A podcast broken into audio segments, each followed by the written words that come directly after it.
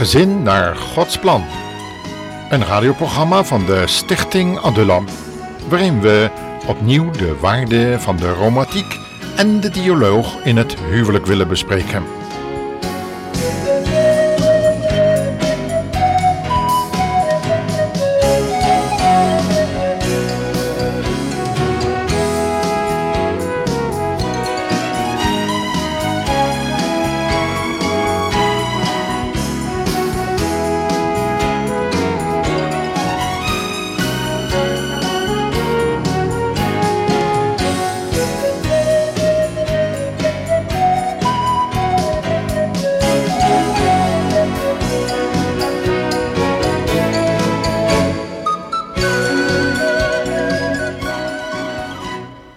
In ons vorige programma bespraken we reeds hoe belangrijk het is om te luisteren.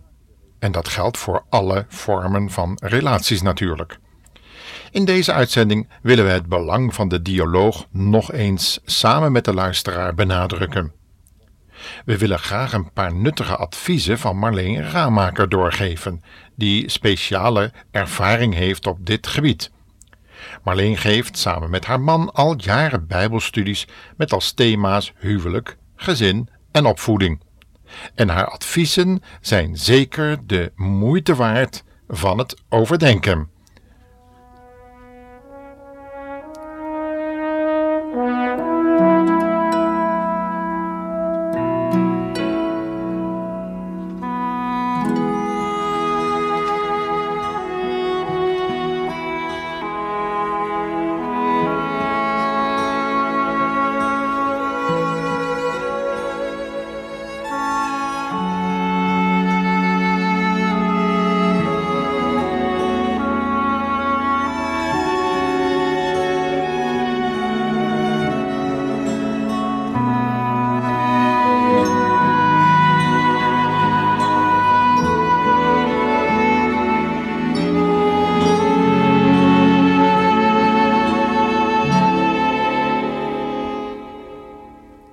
Romantiek en dialoog.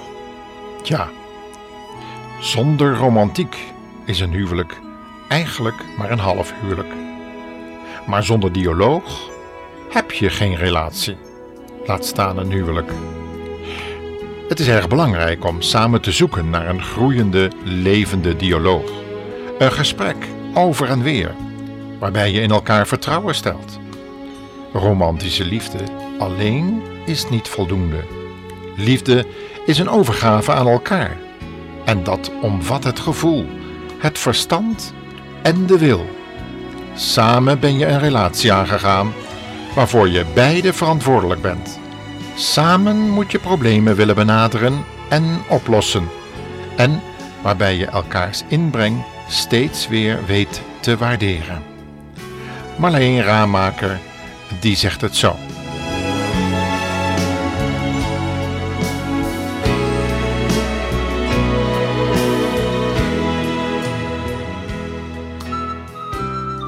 Een liefde die rekent met de werkelijkheid vraagt de bereidheid van beide partners de ander te willen begrijpen en om begrepen te willen worden. Als je gelooft dat het huwelijk een gave van God is, moet je ook toegewijd zijn aan de bedoeling van het huwelijk en je best doen voor een goed onderling contact.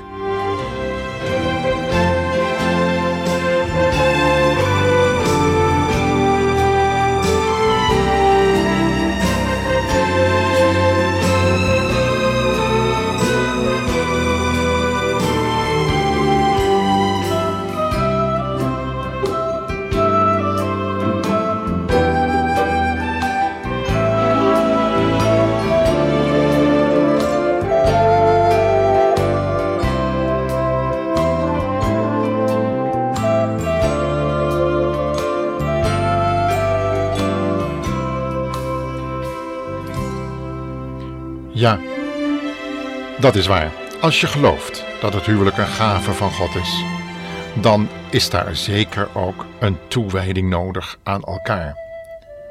Maar laten we Marleen nog eens verder aan het woord laten. Want het is natuurlijk belangrijk dat we ook verduidelijken wat ze eigenlijk wil zeggen.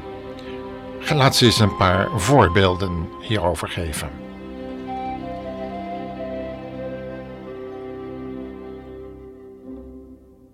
Punt 6 is: stel vragen die de ander helpen om iets te verduidelijken. Of probeer iets samenvattends te zeggen, zoals bijvoorbeeld: Als ik het goed begrepen heb, bedoel jij. Op deze manier laat je de ander merken dat je echt luistert en hem of haar wilt begrijpen. Iedereen verlangt ernaar om begrepen te worden. Spreuken 15, vers 23 zegt: Iemand heeft vreugde als hij een gepast antwoord geeft. En hoe goed is een woord op zijn tijd? Ja, inderdaad. Hoe goed is het om een gepast antwoord op zijn tijd te geven? Want eigenlijk kan alleen de Heer Jezus dat. En wanneer we naar de Heer Jezus kijken, dan krijgen we op duizend vragen duizend antwoorden. Nee, niet allemaal tegelijk. Maar het is wel zo dat in elke huwelijksrelatie, en in welke relatie geldt dat niet, komen vragen naar boven. En dan is de dialoog soms niet alleen voldoende om op die vragen allemaal een antwoord te krijgen. Elke dialoog moet dan ook gedragen worden door een relatie met de Heer Jezus zelf. Peter Kits wil daarvan zingen.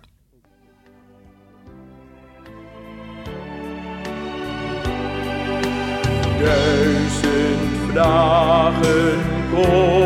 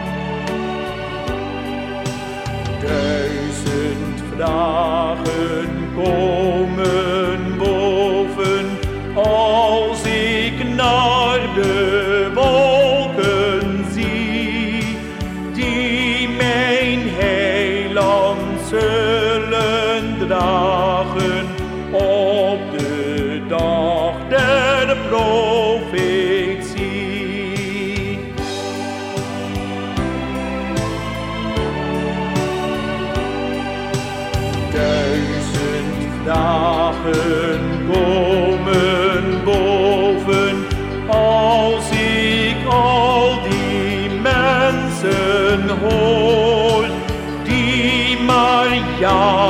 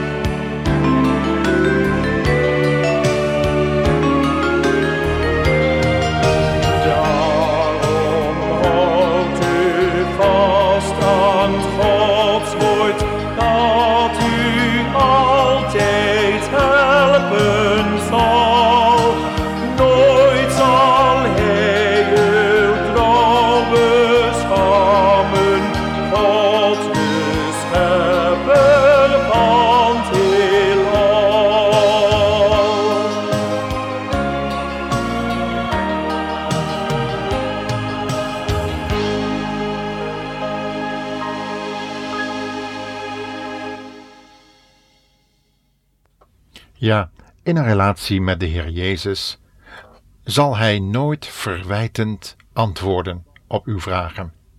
Nooit zal Hij uw trouw beschamen, God, die schepper van het heelal, zo zong Peter Kits. En zo is het ook wanneer wij in de relaties met anderen in een gesprek raken. Spreek nooit op een verwijtende of veroordelende manier, zegt Marleen Raarmaken, en hoe gelijk heeft ze erin. Want wat is de praktijk vaak? Waardoor gaan zoveel relaties stuk? Laten we haar nog eens aan het woord laten. Als je opbouwende kritiek wilt geven, plaats je dan eerst naast de ander. Spreek niet op een verwijtende of veroordelende manier en zeker niet in het bijzijn van anderen. Formuleer voorzichtig, zonder te overdrijven, door bijvoorbeeld woorden te gebruiken als altijd en nooit of iedereen. Als je ergens kritiek op hebt, geef dan ook een suggestie of een voorstel hoe je dit kunt verbeteren. Een verschil van inzicht hoeft op zich nog geen probleem te zijn, als er maar wel een gesprek over mogelijk is.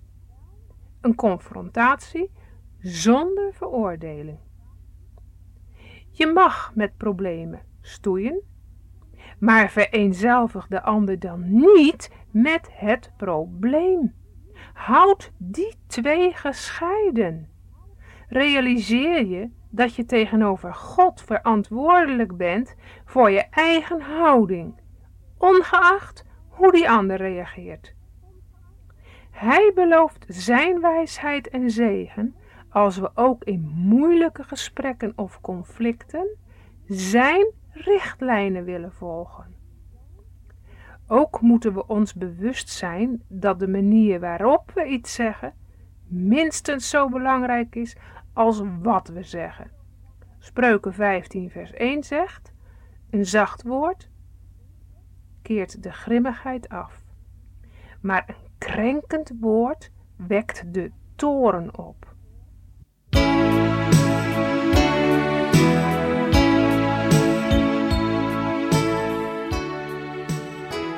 Peter Kits zal daarvan zingen. Wees niet bevreesd wanneer het donker wordt. Vertrouw op hem, hij zal het maken.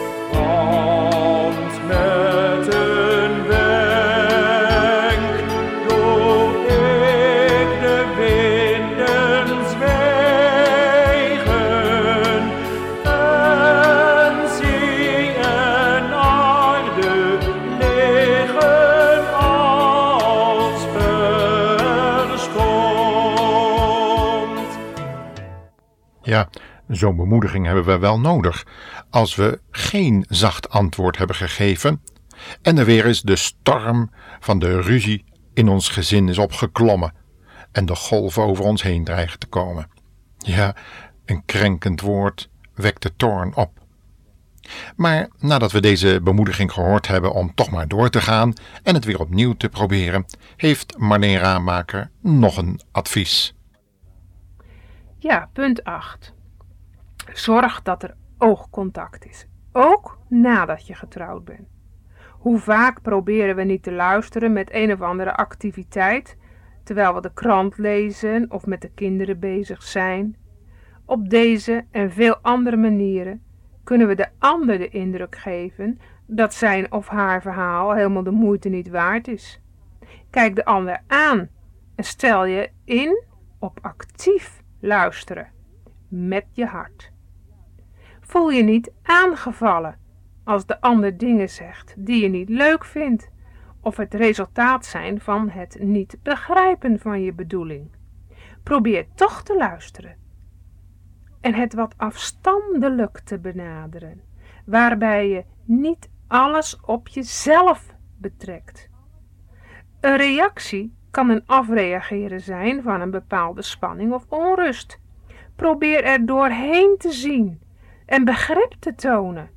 Dat is beter dan direct terug te slaan.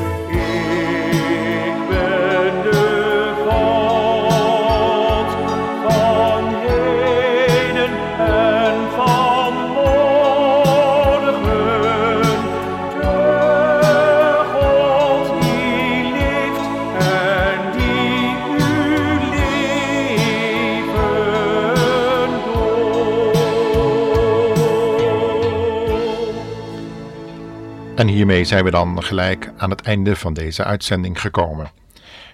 In een volgend programma zullen we de plaats van de humor in de huwelijksrelatie zien.